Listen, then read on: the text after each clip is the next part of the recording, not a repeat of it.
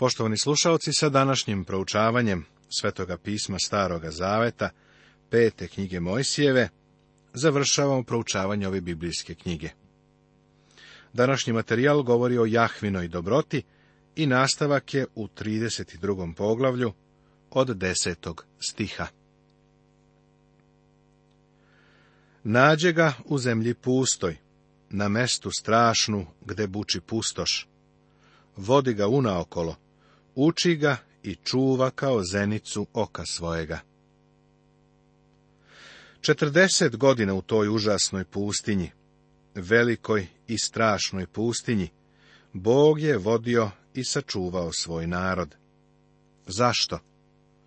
Oni su bili zenica njegovog oka. To je tako divan izraz. Sada imamo jedno od najvećih i najdivnijih izjava u Svetom pismu. Kao što orao izmamljuje orliće svoje, diže se nad ptićima svojim, širi krila svoja, uzima ih i nosi na krilima svojim, tako ga gospod vođaše i sa njim ne beše tuđega Boga.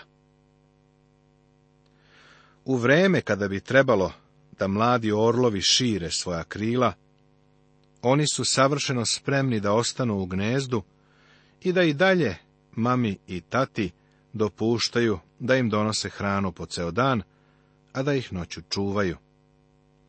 Dolazi dan kada će mama orao gurnuti te orliće sa stene, pa će oni morati da rašire krila.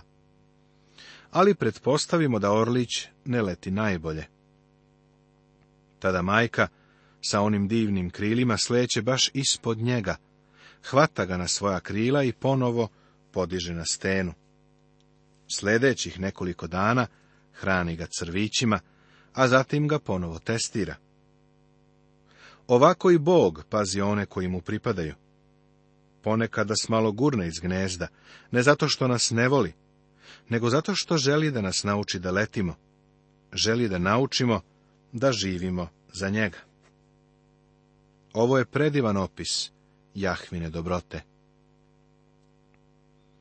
Otpadništvo naroda Ali se Izrael ugoji, pa se stade ritati. Uteo se, udebljao i zasalio, pa ostavi Boga koji ga je stvorio i prezre stenu spasenja svoga. Izrael se ugojio, pa se počeo ritati. Kakav je ovo slikoviti prikaz bogatog društva, koje danas imamo u Americi. A kakva je samo to gomila nezadovoljnih ljudi, koji se samo žale? Hrišćani su im se pridružili. Udebljao si se i zasalio, znači, ljudi su se gojili. U svom napretku nekako nisu mislili da je stena više važna. Na revnost razdražiše ga tuđim bogovima, gadovima razgneviše ga.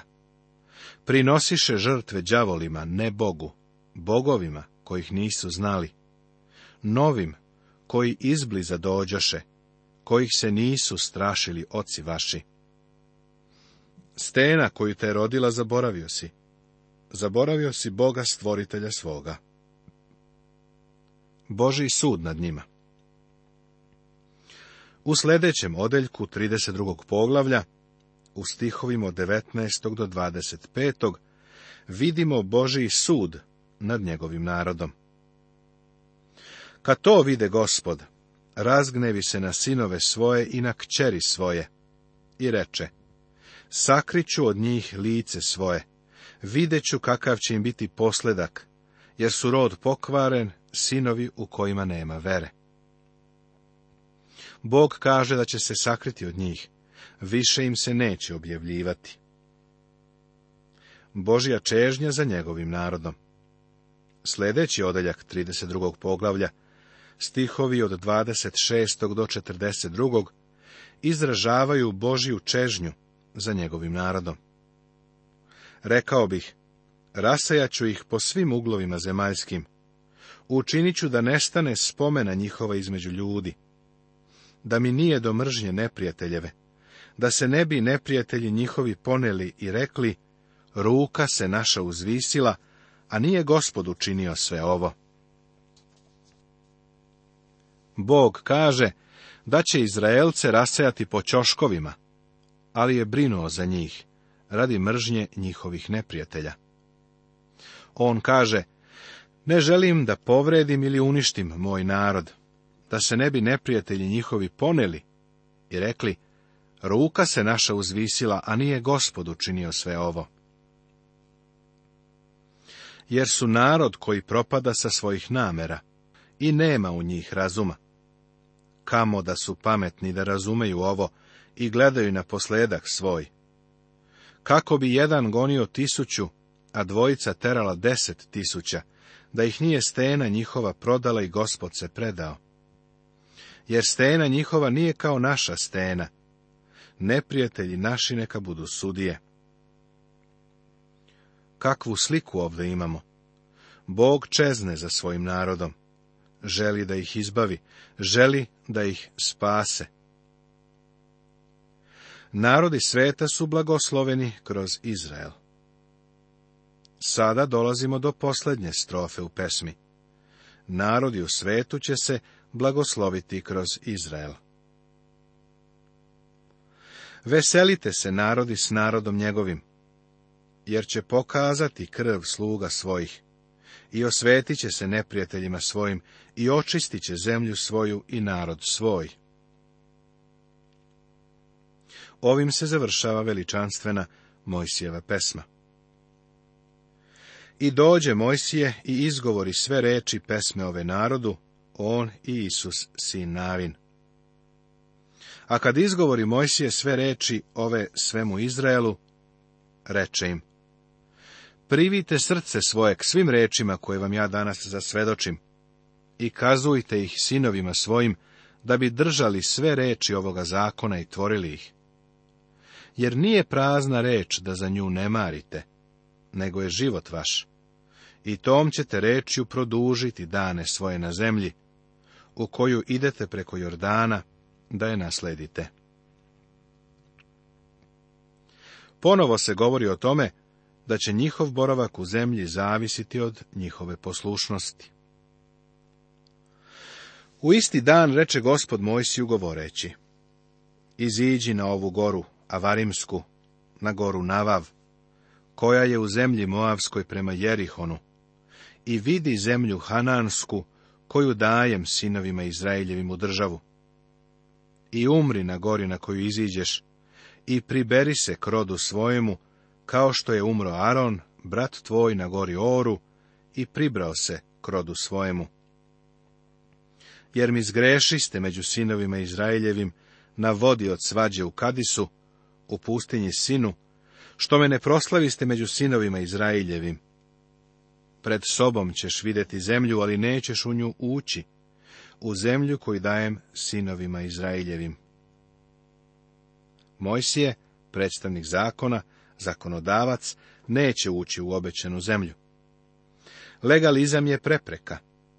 Zakon otkriva greh, a ne uklanja ga. Zakon ne spasava. Zakon nije mogao da uvede Mojsija u obećenu zemlju. Zakon ni nas ne može odvesti na mesto blaženstva. Poglavlje 33. Tema Mojsije blagosilja plemena. Mojsijev posljednji javni čin pre njegove smrti bio je okupljanje njegovog naroda oko njega po plemenima, da bi svako od njih blagoslovio. A ovo je blagoslov kojim blagoslovi Mojsije, čovek Božiji, sinove Izraeljeve pred smrt svoju. Počinje sa Ruvimom. Da živi Ruvim i ne umre, a ljudi njegovih da bude malo. Mojsije se moli da Ruvim nikada ne umre kao pleme u Izraelu. A za Judu reče, Usliši gospode glas Judin i dovedi ga opet k narodu njegovu. Ruke njegove neka vojuju zanj, a ti mu pomaži protiv neprijatelja njegovih. Juda je carsko pleme iz kojeg će doći Mesija i za Levije reče, tvoj tumim i tvoj urim neka budu u čoveka tvojega svetoga, kojega si okušao u masi s kojim si se prepirao na vodi Merivi. Oni uče uredbama tvojim Jakova i zakonu tvojemu Izrailja i meću kad pod nozdrave tvoje i žrtvu što se sažiže na oltar tvoj. Blagoslovi gospode vojsku njegovu i neka ti milo bude delo ruku njegovih polomi bedre onima koji ustaju na nj i koji mrze na da ne ustanu. Ovom plemenu je data čast kroz prvosveštenstvo u Aronovoj porodici.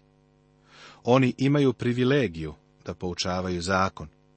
Narod će kroz Levija biti blagosloven. Na Izrael će blagoslovi doći kroz Josifova plemena, odnosno kroz Jefrema i Manasiju.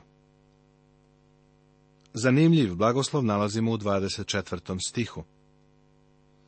A za Asira reče, Asir će biti blagosloven mimo druge sinove. Biće mio braći svojoj, zamakaće u ulje nogu svoju. Zanimljivo je da je pre mnogo godina naftovod u Severno carstvo došao prolazeći kroz Asirovu zemlju. Možda će se taj naftovod ponovo otvoriti. Izraelu, Niko nije kao Bog, koji ide po nebu tebi u pomoć i u veličanstvu svojem na oblacima.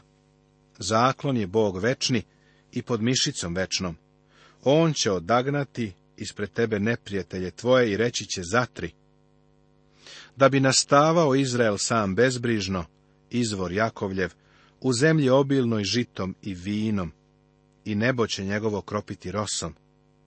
Blago tebi, Izraelu! Ko je kao ti, narod koga je sačuvao gospod, štit pomoći tvoje i mač slave tvoje?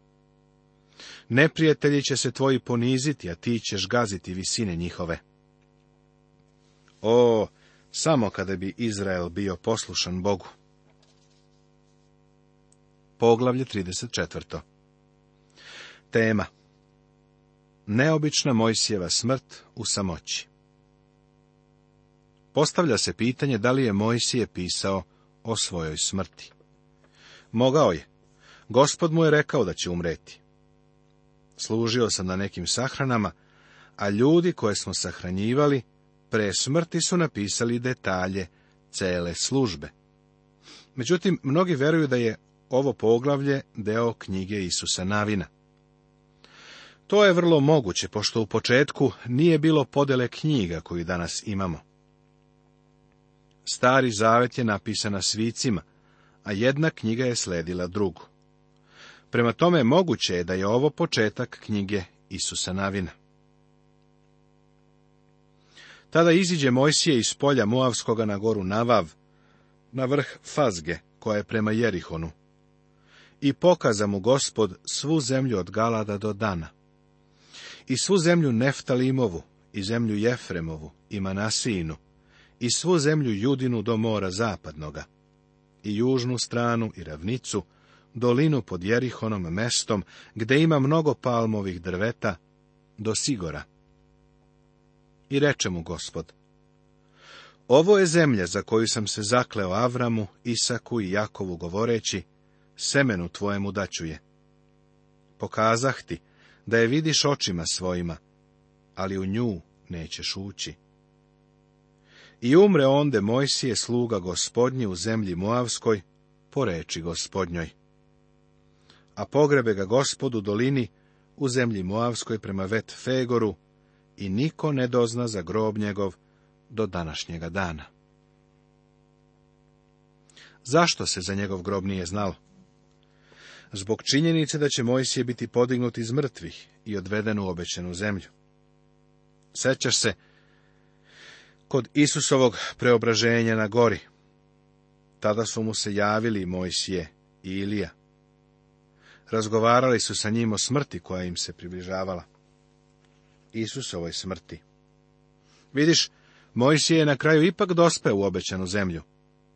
Zakon nije mogao da Mojsije uvede u zemlju, ali ga je uveo gospod Isus Hristos. I beše Mojsiju sto i dvadeset godina kad umre, i ne behu potamnele oči njegovi niti ga snaga izdala. I plakaše sinovi Izraeljevi za Mojsijem u polju Moavskom trideset dana, i prođoše plačni dani žalosti za Mojsijem. Da ponovo pitam, zašto je ovaj grob ostao tajna? Pa, posle svega, Sotona nije želeo da se Mojsije pojavi na gori preobraženja. Bog se zato pobrinuo tako što je sam sredio Mojsijev pogreb. Iako nam može delovati da je ovo smrt u samoći, jedan prevod ovako kaže, umro je uz Božiji poljubac. Ovo je divna misao da je gospod poljubio Mojsija i uspavao ga. Kakvu lepu sliku ovde imamo. Peta knjiga Mojsijeva završava se sa primesom tuge.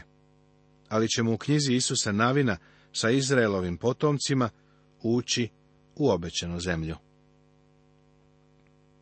Poštovani slušaoci, ovim smo završili naše proučavanje pete knjige Mojsijeve svetog pisma Starog Zaveta, poznata još i kao ponovljeni zakon.